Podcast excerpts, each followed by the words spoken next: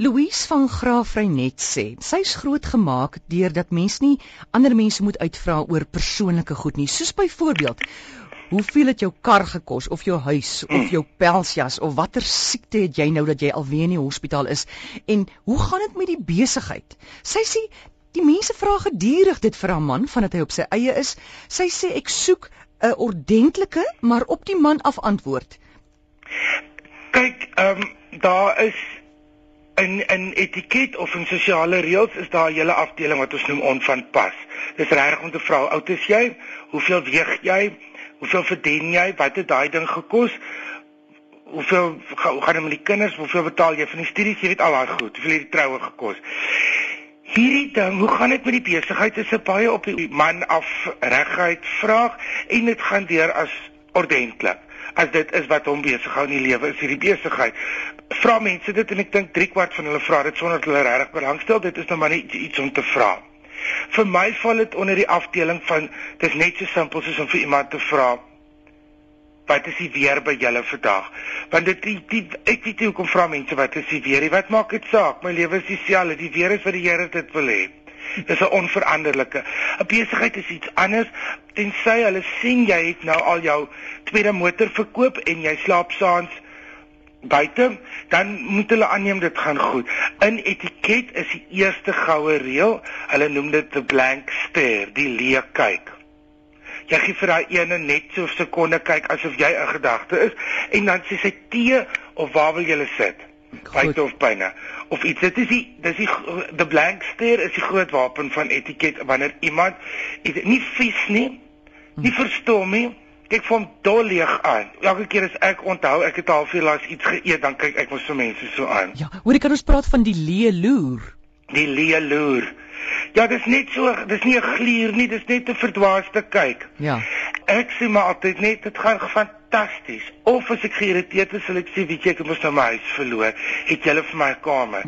Of net net iets of dit gaan ongelooflik. Die bank het vandag gebel en gesê my hoeveel het geld teen die wet. Whatever praat twak sodat dit duidelik is dat jy nie belangstel nie, dit is julle geheim. Die ander ding is om pront uit te sê ek kan nie glo jy het nou dit gevra nie. Dis wat ek vir my vriende sê. Ek kan nie glo jy het dit nou gevra nie. Is jy van jou kop af? So dit hang af hoe ken jy die mense? Hoe hanteer jy dit? Maar ek is seker baie mense het dit aan die begin gevra uit nuuskierigheid uit om te kyk of hierdie man se besigheid gaan oorleef en na 15 jaar weet hulle mos dit oorleef as dit nog steeds aan die gang is dan behoort hulle nie meer te vra nie, maar ek dink is net 'n ek sien dit goed. Goed is een woord. Goed, dankie wil julle tee. Jy praat hom onmiddellik dood. Iets wat Mita van Pretoria grensloos irriteer, is as jy in 'n geselskap sit van 6 of meer mense en dan begin die persoon langs jou oor iets heel anders met jou saggies te gesels.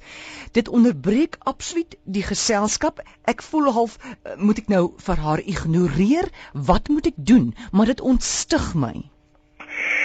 Wat jy in so 'n geval doen, die reël is terwyl sy met jou praat of die aandag onderbreek, sit jy saggies jou hand sonder om oogkontak te maak. Oogkontak is vir baie mense 'n kollig. As jy na hulle hmm. kyk, dan vat hulle die vloer. Jy hou, hou jou aandag by die gesprek, jy leun oor, sit jou hand op 'n arm en sê ek is nou by jou. Ek luister nou net gou hier hoor. Of jy sit jou hand op haar soos wat jy vir iemand sê hou net aan en jy neem kliphard deel aan die gesprek op daai oomblik. Baie kere is so iemand 'n redding want daar's 'n baie boring gesprek aan die gang. Dan stap jy op of sê saggies verskoon, maar so daar's nie 'n reël dat jy nie mag opstaan vir 'n tafel of uit 'n gesprek het nie, want party wil badkamer toe, ander hoor die ketel, ander gaan maak nog 'n bottel wyn oop. Partykeer is mense nie net om beskof nie, hulle is besig om mal te raak want hulle kan hierdie boring gesprek meer vat nie.